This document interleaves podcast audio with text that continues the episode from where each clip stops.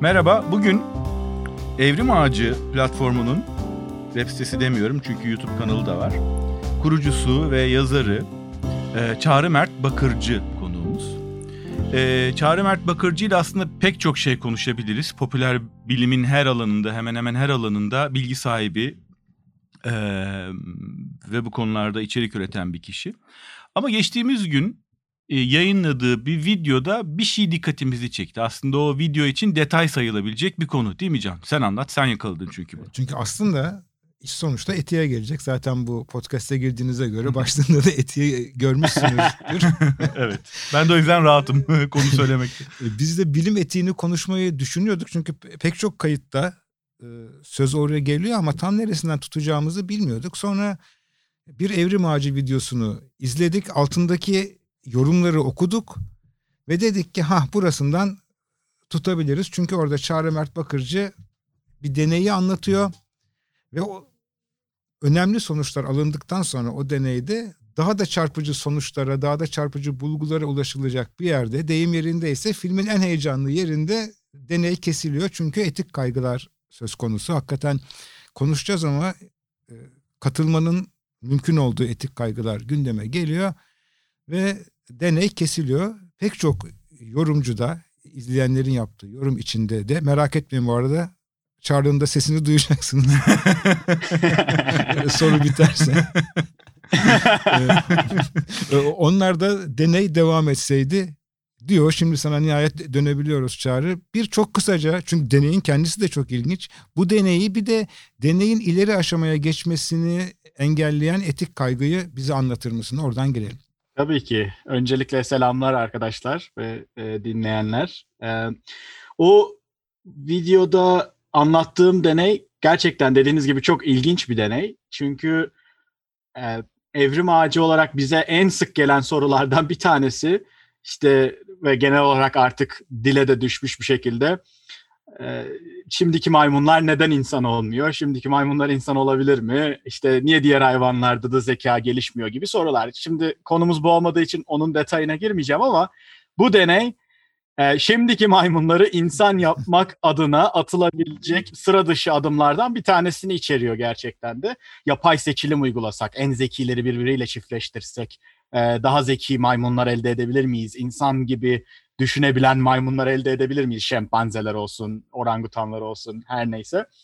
E, ve e, sorunun cevabı aslında evet ama burada daha da sıra dışı, daha da hızlı bir adım atılıyor ve insan genomu içerisinde, insan genomu ince, incelendiğinde ve insan genomuna dair bilgileri almaya devam ediyoruz. O yüzden diyorum inceledikçe açığa çıkan verilerden yola çıkarak spesifik bir genin insan beyninin son 4 milyon yıllık irileşmesindeki eksponansiyel giderek artan hızda irileşmesinde ana role sahip olacağı düşünülüyor. Bu zaten biliniyordu aslında ama e, daha da e, iyi anlaşılmaya başlanmış bir gen diyebilirim. Ve bir grup bilim insanı diyor ki şimdi biz bu geni alsak o zaman ki insana özgü bir gen bu. O, o konu da çok ilginç. Yine evrimsel biyoloji açısından çok ilginç bir detayı var. İnsana özgü diyorum ama bir genin hali hazırda diğer bütün maymunlarda bulunan bir genin fazladan bir kopyasının oluşması sonrasında o kopyanın evrimleşmesiyle insana özgü hale geliyor. Yani ge, genin aslında atası diyelim ya da e, kuzeni diyelim hali hazırda maymunlarda var ama bu gen insana gelen soy hattında bir mutasyon geçiriyor bir veya bir dizi ve bunun seçilmesi sonucunda bizim beynimiz irileşiyor. Tabii ki insanın beyninin iriliği sadece bir genle kontrol edilmiyor ama bu gen o genler arasındaki en önemlisi gibi gözüküyor. Şimdi siz bu geni alırsanız ve bir maymuna verirseniz ne olur sorusunu soruyor bilim insanları ve sormakla kalmıyorlar, yapıyorlar da. Marmoset maymunlarını alıyorlar. Marmoset maymunlarının e, sperm ve yumurtanın oluşmasından sonra işte şey e, birleşmesinden sonra zigotun o ilk hücrenin oluşmasından sonra bu geni ekliyorlar. Ve eklemedikleri bir grupla kıyaslıyorlar ve e, aradan yaklaşık 100-101 gün geçtikten sonra beynin ilgili bölgelerinin geliştiği bir gelişim dönemine kadar takip ediyorlar Ve bu geni verdikleri maymunlarda bu geni vermedikleri maymunlara göre, vermedikleri maymunlar normal tanıdık marmoset maymunlarından aşina olduğumuz beyin gelişimini gösterirken bu genin verildiği maymunlarda e, beyin tam da insanda da olduğu gibi hayvanın kendi kütlesini arttırmaksızın büyüyor ve hatta üst düzey bilişsel fonksiyonlarla ilişkili olabilecek beyin bölgelerinde de irileşme görülüyor.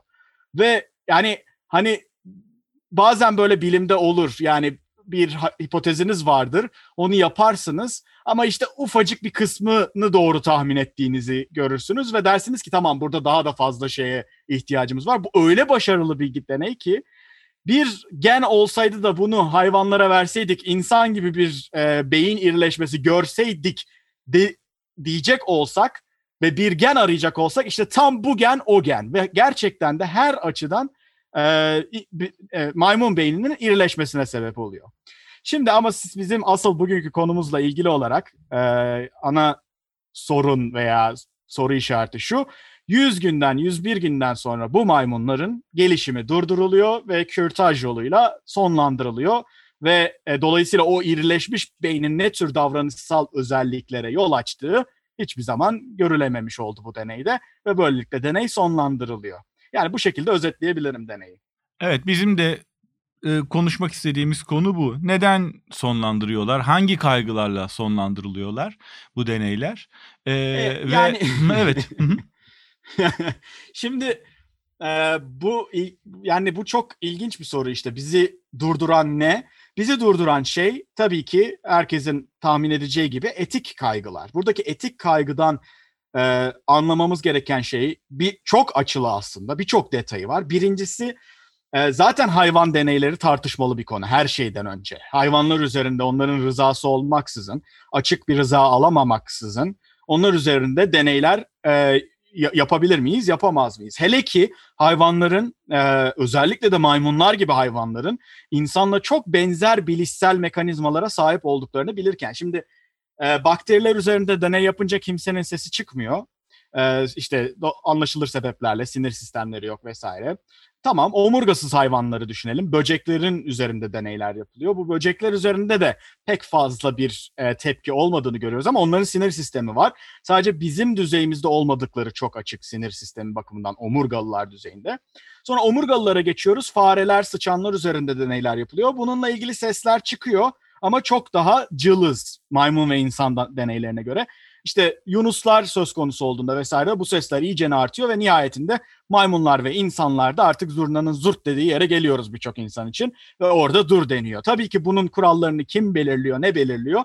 Ee, tabii ki bazı yönergeler, bazı e, detaylar var ama çoğunlukla kültürümüz belirliyor. Biz e, kültürümüz geliştikçe belli etik kurallarla kendimizi sınırlandırıyoruz ki bunları e, konuşabiliriz. Şimdi burada Ama, da e, aslında e, çok özür dilerim. Bu uzun bu uzun bir sürecin sonunda geldiğimiz bir yer bu. Başlangıçta evet. e, hayvanlarla ilgili mesela yakın zamanda okuduğum için aklımda kalmış bir hikaye var. E, İngiltere'de e, yapılmış e, ya da yaşanmış bir şey. E, 1900'lü yılların başında e, Charing Cross Hastanesi ve e, başka hastanelerden gelen öğrencilerin katıldığı galiba Oxford'da e, pardon University College London'da e, bunun e, tıp fakültesinde yapılan e, deneyler var. Hayvanlarla ilgili deneyler var ve burada hayvanlar özellikle de köpekler o kadar kötü davranıyorlar ki bir süre sonra 1906 yılında filan bunu protesto etmek için bir tane e, kahverengi köpek heykeli denilen bir heykel dikme ihtiyacı hissediyor protestocular. Ve kaidesine de e, şöyle şeyler yazıyorlar.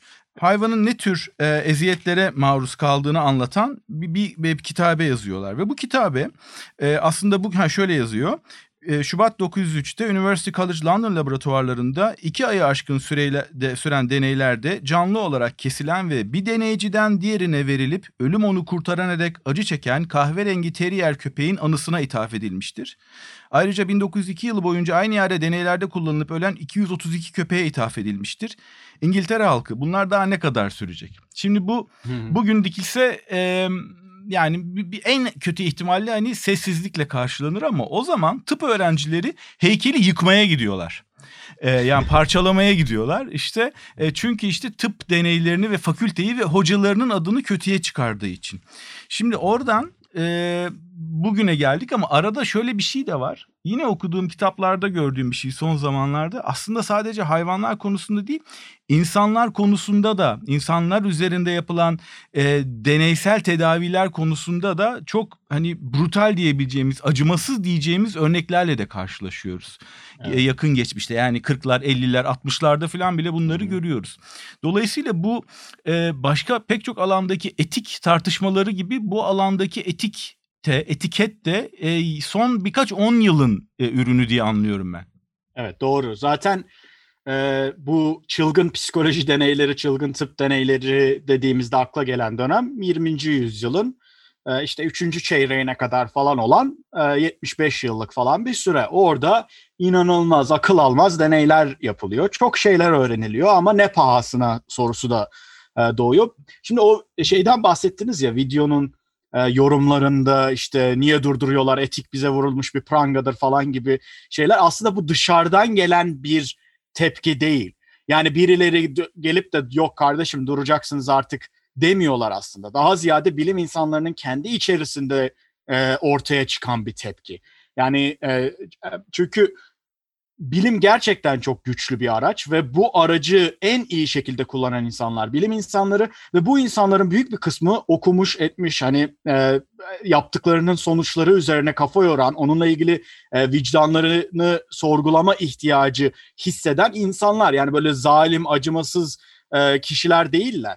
Dolayısıyla bu içeriden gelen tabii dışarıdan da e, işte hayvan hakları olsun gerek devletlerin bazı e, adımları olsun ama e, bu ikisi bir araya geldiği zaman özellikle de dediğiniz gibi sadece hayvanlarda değil insanlarda da belirli sınırlar çizilmesi gerektiği anlaşıldı.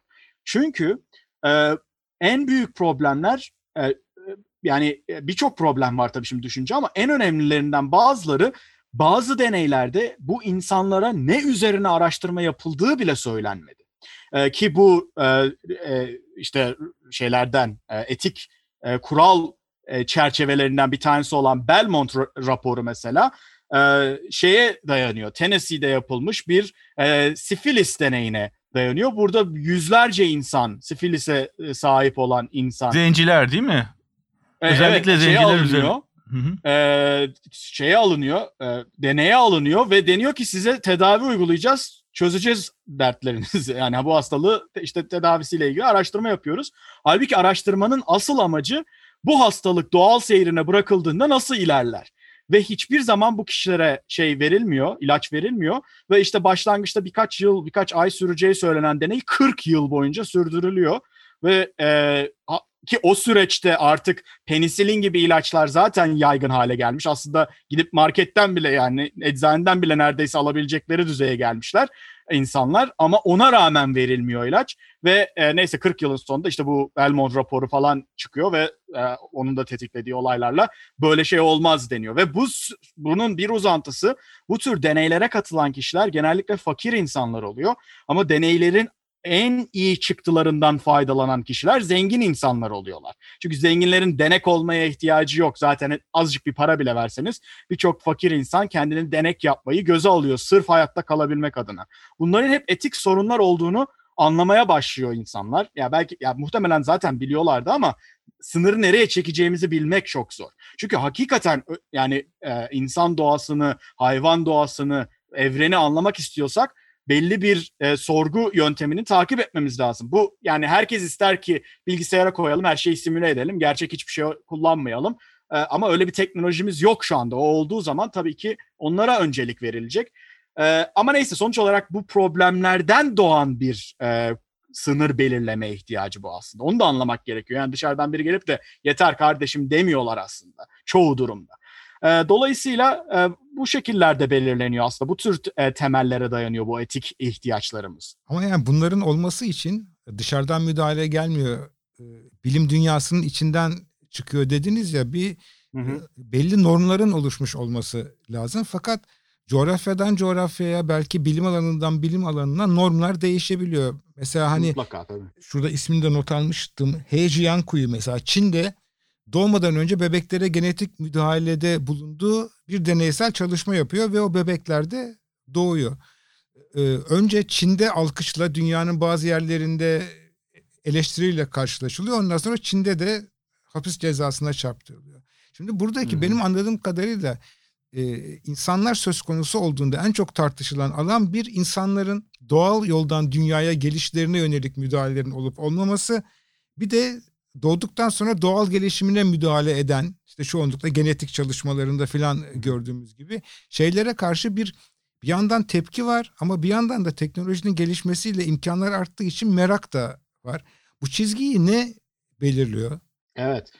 İşte aslında söylemek istediğim şey o. Bilimin içerisinden geliyor derken yani e, hiç dışarıdan bir geri bildirim olmuyor demiyorum. Elbette e, aktivistler, devletler dedim ya onlar da e, onların da etkisi çok önemli. Onda hiçbir şüphe yok ama mesela e, bilim camiasında bu duyurulduğu zaman mesela Lancet gibi e, jurnallere, BMJ gibi jurnallere giden e, bu e, editöre mektup olarak bilinen e, makalelere bakın. Hep bilimin kendi içerisinden gelen tepkiler bunlar. Bunu nasıl yayınlarsınız, bunu nasıl etik kontrolünü yapmazsınız gibi e, şeyler hep bilimin içerisinden gelen tepkiler. Onlar tabii dışarıda yansıyor. Onda hiçbir e, soru işareti yok ve yani dediğiniz gibi belli kültürlerde doğmuş kişiler için insanlar üzerinde deney yapmak zaten başlangıçtan bir kabul edilebilir e, bir şey değil. Özellikle de genleri değiştirmek.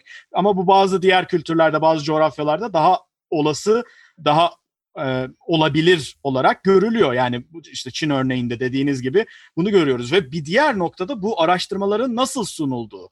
Şimdi mesela en güzel örneklerinden bir tanesi işte insan soy hattına müdahale etmek değil mi? E, genetiği belirlenmiş çocuklar, bebekler yani istediğimiz gibi boylarını uzatalım, işte belli hastalıklarını çıkartalım vesaire gibi e, yöntem... Cinsiyetlerini belirleyelim. Evet. CRISPR özelinde düşünecek olursak Hı-hı. bu çok 2013'ten sonra popüler olan, keşfedilen ve popüler ol, e, olan teknolojiden söz edecek olursak şimdi bu böyle keyfi nedenlerle olacakmış gibi sunulduğu zaman işte bu göz renginin belirlenmesi falan insanlar biraz daha böyle kıllanıyorlar.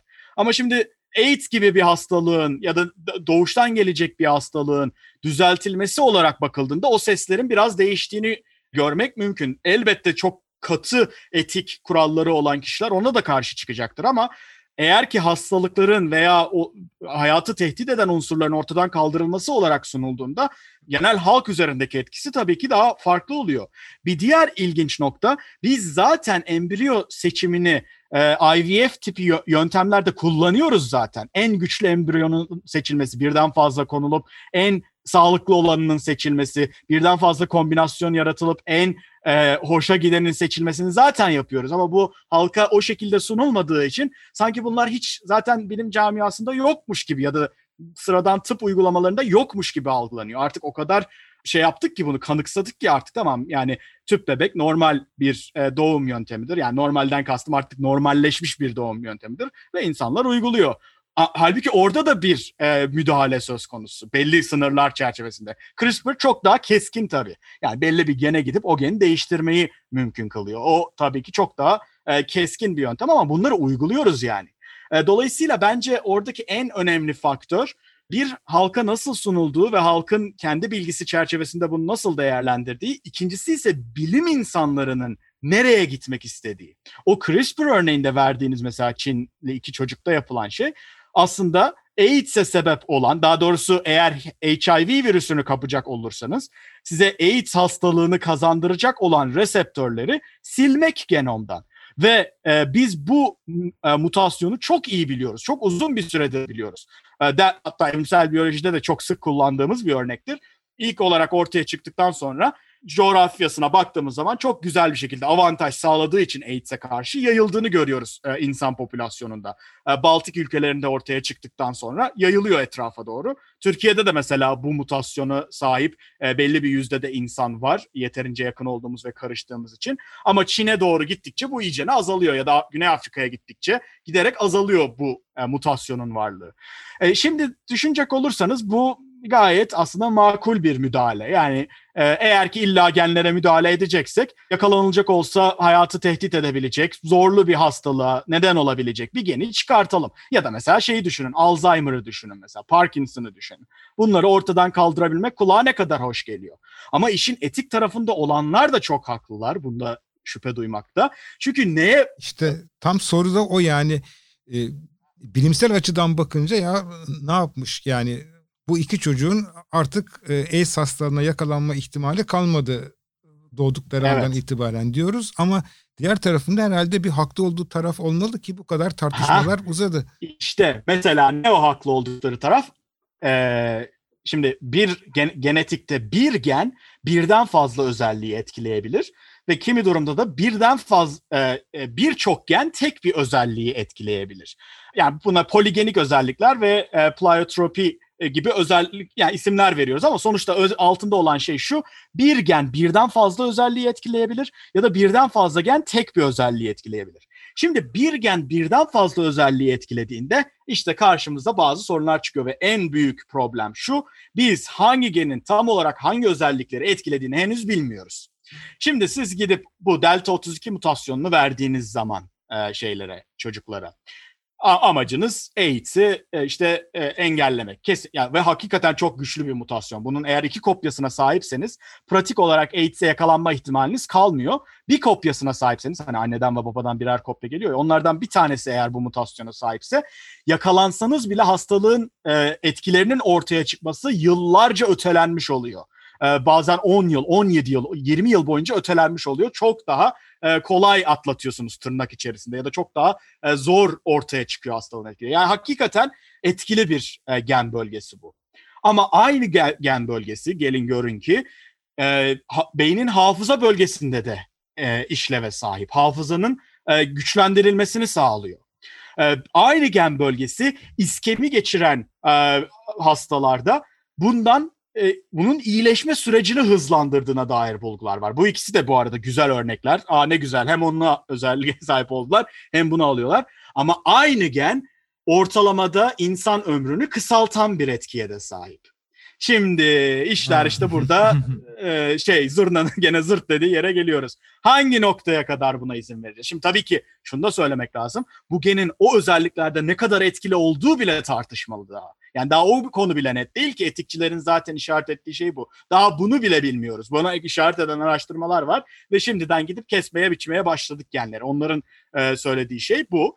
E, dolayısıyla şimdi nereye çekeceğiz çizgi? Yani e, o gen, başka bilmediğimiz şeylere neden oluyor. Belki kanser riskini arttırıyor mesela. Tamam AIDS engel oluyor ama kanser riskini arttırıyor mesela. Diyelim ki şimdi böyle bir bulgu yok o gen özelinde ama ya bu tür sorunlar aslında endişe ettikleri şeyler. Yani sorun genetik müdahale değil yapılan müdahalenin uzun vadeli sonuçlarını bilmiyor olmaktan kaynaklanıyor. Yoksa E tabii tabii tabii.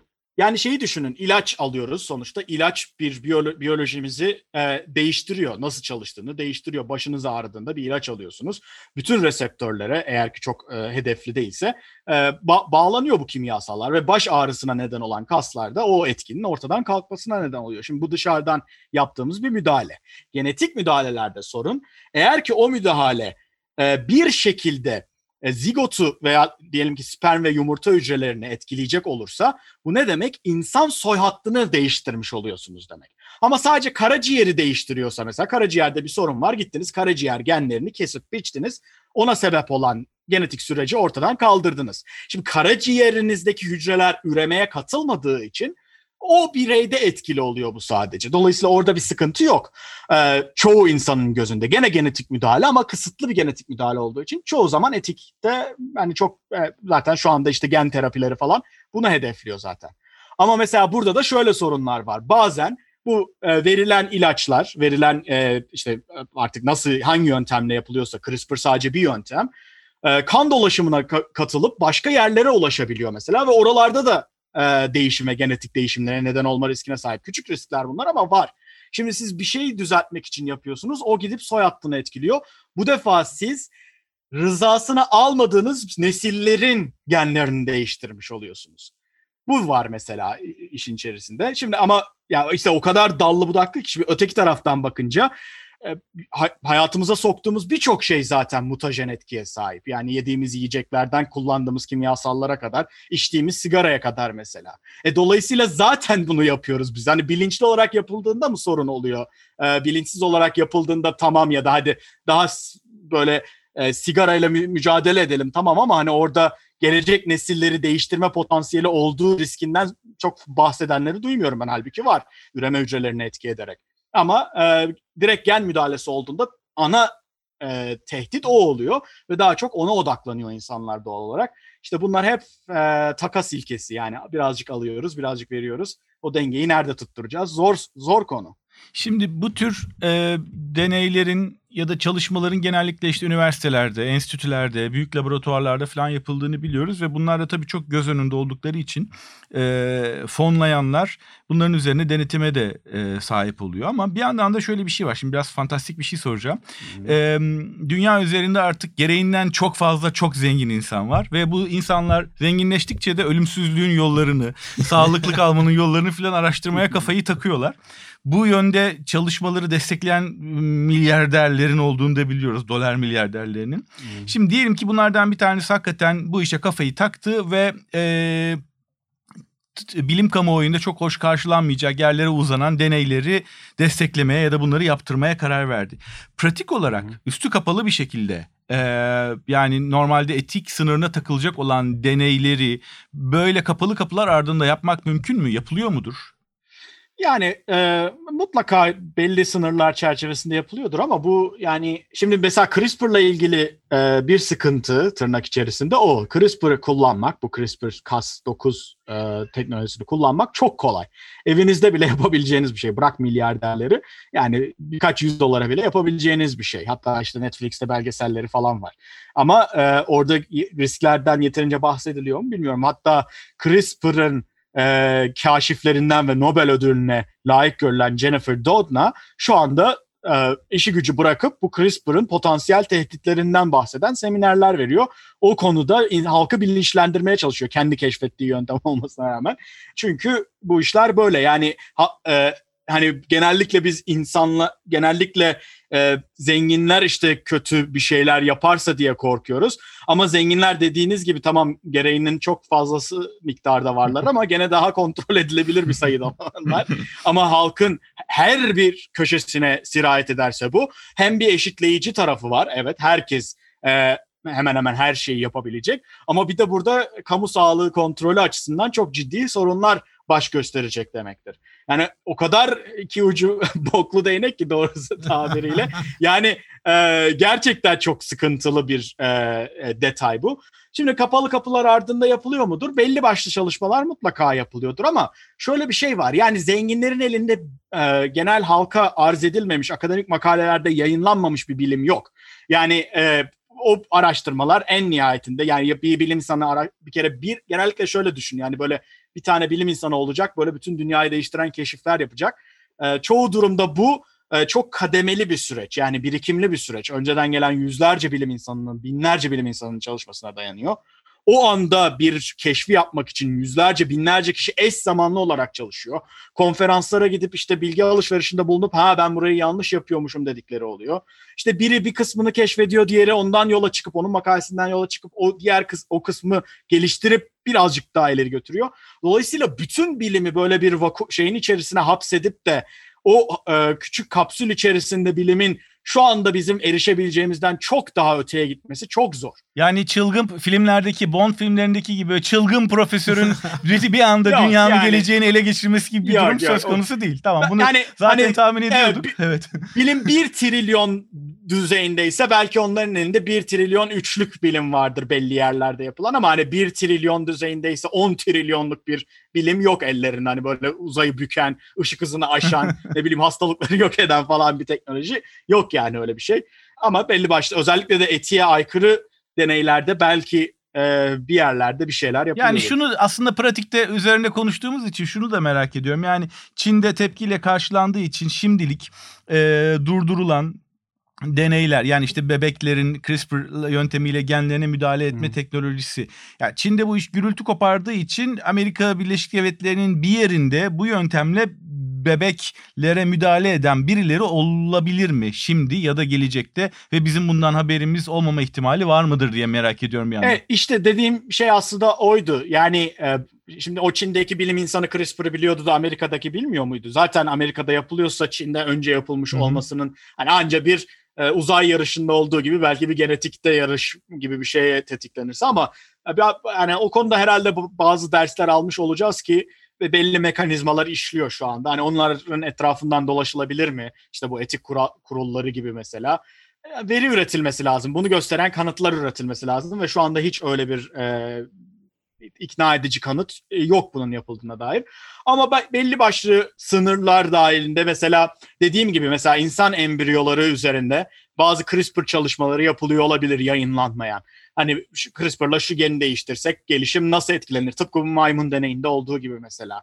Yani bu tür şeyler belki yapılıyor olabilir. Hatta e, insan olmayan hücreler zaten CRISPR'ın çalıştığını nasıl biliyoruz? İnsan olmayan hücrelerde, e, hayvan hücrelerinde belli genetik değişimler yapıyoruz ve onları yayınlıyoruz. E, bu etik kurullardan geçiyor bunlar. Yani yoksa zaten keşfedemezdik bu teknolojiyi. Ama öyle hani o daha fantastik olan işte hastalıkların hepsini çözdüler, ölümsüzlüğü keşfettiler de bize saklı vermiyorlar falan gibi bir şey olduğunu hiç zannetmiyorum ben hayır. Peki bu çokça spekülasyonu yapılan çünkü birkaç kişi var ben insan klonladım diyen e, buna bir inanabilir miyiz? İkincisi etik açıdan baktığımızda ona ne diyeceğiz? Yani, Yani çünkü insan- orada da koyuna yapıyoruz, e, köpeğe yapıyoruz da kendimize gelince ana kritik nokta o aslında bir şey bir yerde de. Yapılabilirlik bir şey, yapıp yapılmadığı başka bir şey. Yani insan klonlayabiliriz. İnsan klonlamakta e, teknolojik olarak çok ciddi bir sınır yok. Coin'larda yaptığımız gibi dediğiniz gibi. O, o günden beri bir dolu diğer hayvanda da zaten test edildi bu. Ama o hayvanlarda da gördüğümüz gibi bir dolu sorunu var. Yani e, erken ölüyorlar, işte hastalıklı olabiliyorlar vesaire. Yani süreçteki sıkıntılar var. E, yani bir dolu detayı var. İnsanda da yapılabilir. Yapılıyor mudur şu anda? Bunun yapıldığını gösteren güvenilir, e, kabul edilebilir bir veri yok şu anda. yani demin zenginler dedin ya Birleşik Arap Emirlikleri'nde çok zengin bir aileye iki çocuk yaptım diyen Antinori miydi? Antinori'nin iddiası başka mıydı bilmiyorum ama öyle bir şey. Örneği e, bilmiyorum ama yani şöyle bir bir şey var. Mesela bir de o onu da düşünmek lazım. Yapıldı diyelim ki. Bu nasıl bir anlama gelir? En fazla o kişiler denek olmuş olur. Yani e, çünkü çok iyi bilinen bir yöntem olmadığı için gene aynı soruları soracağız. Tamam yapıldı. Ne öğrendik bundan? Makul mü? Çünkü bir insanı klonladığımız zaman olacak en en ilginç soru orada bana kalırsa bilişsel olarak nasıl ikisi arasında fark olacak? Yani ha- mesela hafıza belli hafıza e, birim çünkü yetişkinden klonluyoruz diyelim ki yetişkin birinden. İşte o yetişkin e, bireyin hafızasından kaynaklı bazı bileşenler klonda da ortaya çıkacak mı? Tamamen çıkması pek olası gözükmüyor. Yani anıların yani ben sen senim sen bensin gibi düzeyinde bir klonlama olmayacaktır. E, çünkü bir genetik var. Bu arada buna da vurgu yapmak lazım. Genetik bir şey ama her şey değil. Yani genler belli şeyleri belirliyor ama o genler bir şeyleri ürettikten sonra onun çevreyle sınanması sonucunda yaşanan değişimler apayrı bir katman. Onu klonlayıp da insan diğer bireye aktarmanın bir yolunu bilmiyoruz şu anda. Dolayısıyla o tür sorular olabilir ama onun haricinde bir insan klonlanınca olacakları yani biyolojik olarak olacakları az çok zaten kestirmek mümkün. Ee, zaten birçok noktada da e, o soru soruluyor. E, etik kurullardan geçmeye çalışırken. Yani nasıl bir katkısı olacak? Bunu başka türlü e, öğrenemez miyiz? E, gibi e, sorular oluyor. E, dolayısıyla hani yapılmışsa da ben öyle çok aman aman şaşırmam ben. CRISPR'ın yapıldığında da çok yani insan üzerinde yapıldığında da çok şaşırmamıştım. Ama hani o yapıldı diye de e, böyle e, bütün dünyamız değişmedi gördüğünüz gibi. E, tam tersine o kişinin dünyası değişmiş oldu hapse girerek. E, Dolayısıyla hani e, şu anki algı düzeyimiz seviyesinde bu kararlarımızın beklenmedik negatif sonuçları da olabiliyor yani ona da dikkat etmek lazım. Bazen gaza gelebiliyor insanlar ben de yapacağım diye. E, biraz dikkatli olmakta fayda var. Evde denemeyin yani. Evet evet. evet. Hayır CRISPR öyle bir şey ki deneyebilirsin bir de öyle bir, Yani çok öyle da bir sakatlığı. Cana, Evet, evet, hafta, o. Cana hafta sonu eğlencesi çıktı şimdi. Tahtakale'de CRISPR deneyi. Geçen hafta ne sen robot yapıyordun. Geçen hafta şey e, küçük beyin parçaları bir de bu robotların dışını nasıl yapıyorsunuz diye sormuştun ya. robot yapıyor. Şimdi de CRISPR deney malzemesi. Yoksa siz bu podcastlerle bir e, hepsini birleştirip ortaya bir Frankenstein çıkaracağız. Bir canavar. Frankenstein. Ama şaka bir yana ben mesela bu e, konuşmamızdan şunu çıkardım tekrar ki e, aslında Çağrı'nın konumuyla bizim konumuzu falan da karşılaştırınca e, ne bileyim ceza hukukunda mesela norm dediğimiz zaman toplumun geneline bakıyoruz ama bu işte gerçekten normları bilim dünyasında bırakmak lazım. Şurada da düşündüm onu.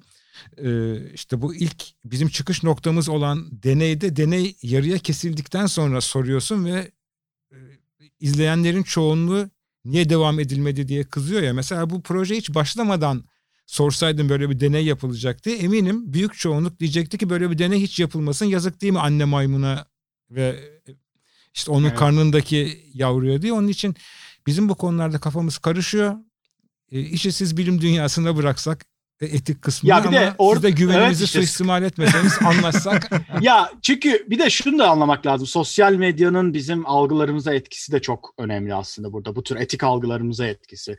Çünkü yani oturduğumuz yerden ya yapın kardeşim ne olacak demek var. Bir de onu oturup yani bu sahayı bilen, bunun ne tür etkileri olabileceğini üzerine kafa yormuş, biyoetikle ilgilenmiş insanların alacağı veya yapacağı yorum e, bambaşka olacaktır tabii ki. Dolayısıyla şimdi bizim için yani bir, bir, bir bilim anlatıcıları için, bilim e, takip edenler için bu sadece böyle fantastik bir veri parçası. Kendi hayatlarını çok fazla etkilemeyeceğini e, bildikleri bir şey. Dolayısıyla hani sonunu görmek istiyorlar. Tıpkı bir Hollywood filmi gibi çünkü düşünecek olursanız.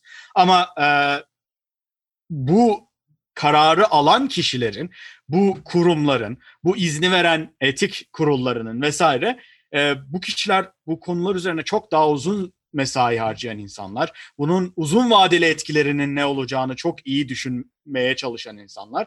Dolayısıyla e, halktan gelen geri bildirim önemli ama o geri bildirimin böyle sosyal medya aracılığıyla değil de daha derli toplu bir şekilde alınması. Yani çünkü bilimi halktan da çok koparmak iyi bir şey değil e, halkın e, beklentileri bilimden işte e, ne tür sorunları olduğuna cevap verebilmesi bilimin sonuçta en nihayetinde biraz da o yüzden yapılıyor bilim. Tamam çok önemli bir keşif elementi var ama e, hani bazı ihtiyaçlarımıza cevap olmayacaksa bazı dertlerimize derman olmayacaksa birçok kişi için bilim desteklenmeye değer bir şey olmayacaktır. O da tehlikeli.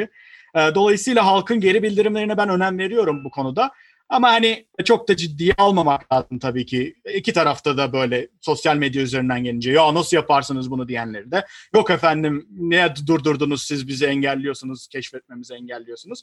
Ee, her açıyı zaten değerlendiriliyor bilim insanları ve o deneyin nereye kadar gidebileceği zaten keyfi olarak belirlenmiyor. Yani bir yerde keyfi tabii etik kuralların neye göre belirlediğimize bağlı olarak biraz keyfi ama o kurallar çerçevesinde neresi kadar gitmesinin uygun olacağı zaten işte etik kurullar tarafından belirleniyor. Araştırmada hiçbir payı olmayan, dolayısıyla hiçbir yatırımı olmayan bu işin içerisine, yani gerek zaman yatırımı gerek para yatırımı olmayan etik kurullar tarafından belirleniyor.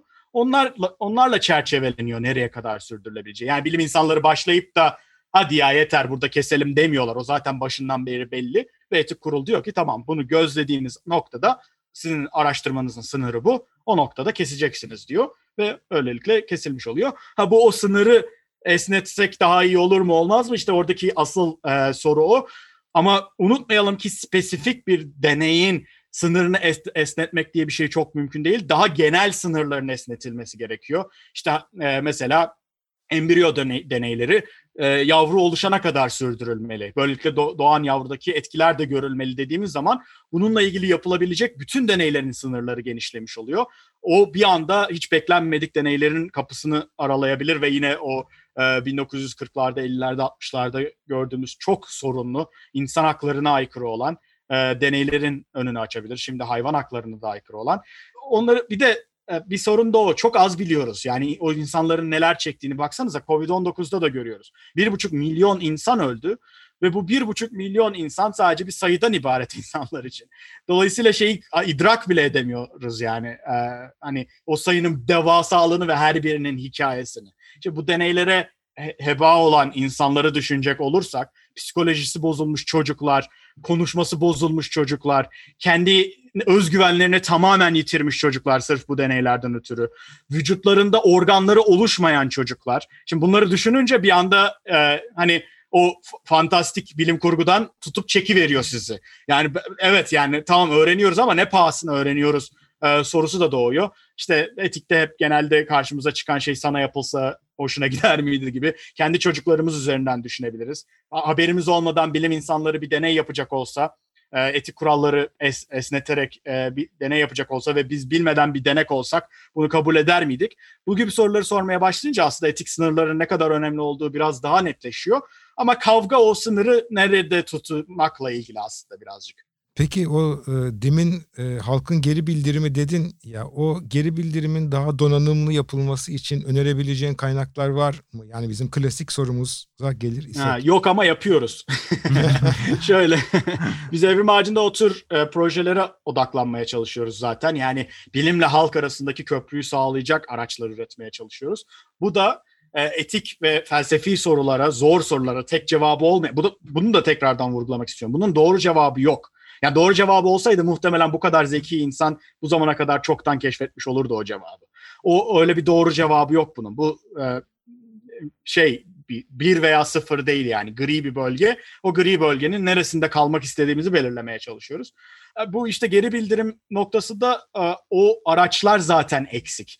Daha ziyade şimdi böyle sosyal medya diye bir şey çıktı. Eskiden olsa mesela ne olacaktı? Yani bir ufak bir kasabada işte gazeteden böyle bir deneyi okuyacaktık. Günümüze devam edecektik. Şimdi herkes her şeyi sallayabiliyor. Herkese sosyal medyada. E, dolayısıyla birden böyle tuhaf bir e, iletişim aracı doğdu ama hiçbir plan program fikir yok ortada. Tamamen kaotik bir ortam. Herkes her şeyi her istediği gibi söyleyebiliyor. Bunun özgürlük olduğunu savunanlar var. İşte bugün gündemimizde de olduğu gibi faşizm olduğunu savunanlar da var. E, tuhaf bir şekilde. E, ama bizim bilim iletişimiyle ilgili problemimiz e, o dediğiniz e, kanalların düzgün olmaması.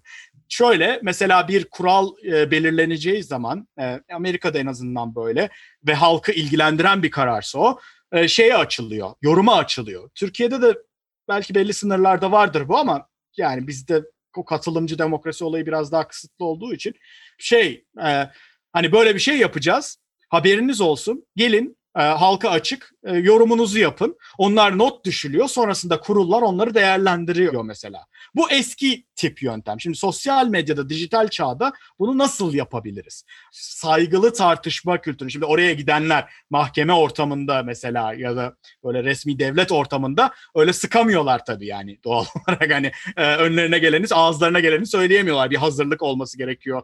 Bir derli toplu sunuş olması gerekiyor. Biz bunu dijital çağın e, ve ortama nasıl uydurabiliriz gibi bazı araçlar üzerinde çalışıyoruz. Ee, en azından Türkiye özelinde böyle bir e, projemiz var. Onun haricinde Türkiye'de şu anda insanların e, o geri bildirimi sağlayabilecekleri pek e, sistemli bir araç yok. Ama bilim insanlarını takip ederek onların çalışmalarını anlattıkları hani e, işte Twitter olsun vesaire oralardan paylaştıklarına yorumlar yaparak en fazla akıllarına ufak bir e, soru işareti sokmayı başarabilirler belki. Ama bunun sistemleştirilmesi Peki lazım. bu konuyla ilgili literatür var mı? Yani e, bu etikle ilgili, sınırlamalarla ilgili gerek hani örnekleri tabii. gösteren ya da bu işin biraz daha teorisi üzerine kafa yormuş e, tabii ki, kimseler tabii ki. ya da bunların eserleri var mı? Tabii hem kitaplar özelinde mutlaka vardır ama ben akademik şimdi bu yayın öncesinde de birazcık bak baktığımda hı hı. E, şeyler var yani e, vaka vaka inceleyip nerelerde yanlış gitti. Şimdi yani o kadar çok deney var ki e, bu dediğimiz periyotta 20. yüzyılın ilk 3 çeyreğinde yapılan o kadar çok yanlış gitmiş deney var ki e, bunların her birinin incelenmesi gerekiyor. Dediğiniz gibi ama yani öyle uzaktan okuma şeklinde değil. E, şeylerin kayıtlarının incelenmesi, deneylerin kayıtlarının, notlar nasıl tutuldu, nasıl başvuruda bulunuldu, nasıl değerlendirildi, verilerin olduğu not defterlerinin incelenmesi. E, mesela bunun ilginç örneklerinden bir tanesi bu Stanford e, deneyi. E, mesela işte gardiyanlarla hı hı. E, işte iki gruba ayırıp birini hı hı. gardiyan yapıp diğerini mahkum yapıp sonra hadi bakalım hurra deyip e, bir taraf e, cinnet geçirme noktasına gelecek kadar vahşileşiyor. Diğer taraf işte e, baskılanıyor falan. E, mesela bu son 10 e, yıldır falan e, giderek artan bir şiddetle eleştiriliyordu ve e, geçtiğimiz sene daha geçtiğimiz sene o döneme ait e, şey yani o deneyin e, Zimbardo işte e, hı hı hı. George mu bir şey Zimbardo deneyi yapan kişi e, bu not kayıtlarını yayınladı mesela. Ve bu sayede ilk defa e, tek tek işte ses kayıtlarına baka, bakabilmek mümkün oluyor. İşte notlara bak, bakmak mümkün oluyor ve bu akademik e, tarafı böyle işte bu işin. O e, deneyin bütün detayları inceleniyor ve sonunda günümüz etik standartlarına tabii ki o zamanlarda yok bu standartlar. Günümüz standartlarında neleri e, şey yapıyor, ihlal ediyor. İhlal ediyor. Ve şeyi de test etmemiz mümkün oluyor. Bizim standartlarımız makul mü mesela? Çünkü orada da yani onlardan öğreneceğimiz çok şey var. E, ve bu şekilde hani eskiden her şey çok serbestti. Şimdi birazcık şey e, katı bir şey var. Belki işte o ayarların yavaş yavaş yapılarak daha dengeli bir noktaya getirilmesi aslında e, hedef. E, ve bu noktada işte herkesin geri bildirimi o açıdan birazcık önemli tabii. Çağrı Mert Bakırcı çok teşekkürler. Seninle hakikaten e, popüler bilim söz konusu olduğu zaman her konuyu konuşmak çok zevkli. Gerçekten de popüler olun, bilim iyi. yazarlığının ya da anlatıcılığının ne olduğunu çok iyi gösteren bir örnek değil mi Can? Yani Kesinlikle. Çok hem çok iyi e, kitlelerle buluşturmak hem merak unsurunu tetiklemek gerçekten bu işin en önemli e, noktaları. Sen de bunu çok iyi yapıyorsun. Platformlarında da canlı yayınlarda da yani çok mutlu olduk. bir videoyla bize bu ufku açtı. Kaydın evet. Evet, evet umarım faydalı olmuştur. Çok teşekkürler. Sağ olun. Çok sağ olun. Görüşmek üzere sevgiler. Görüşmek üzere. Hoşçakalın. kalın.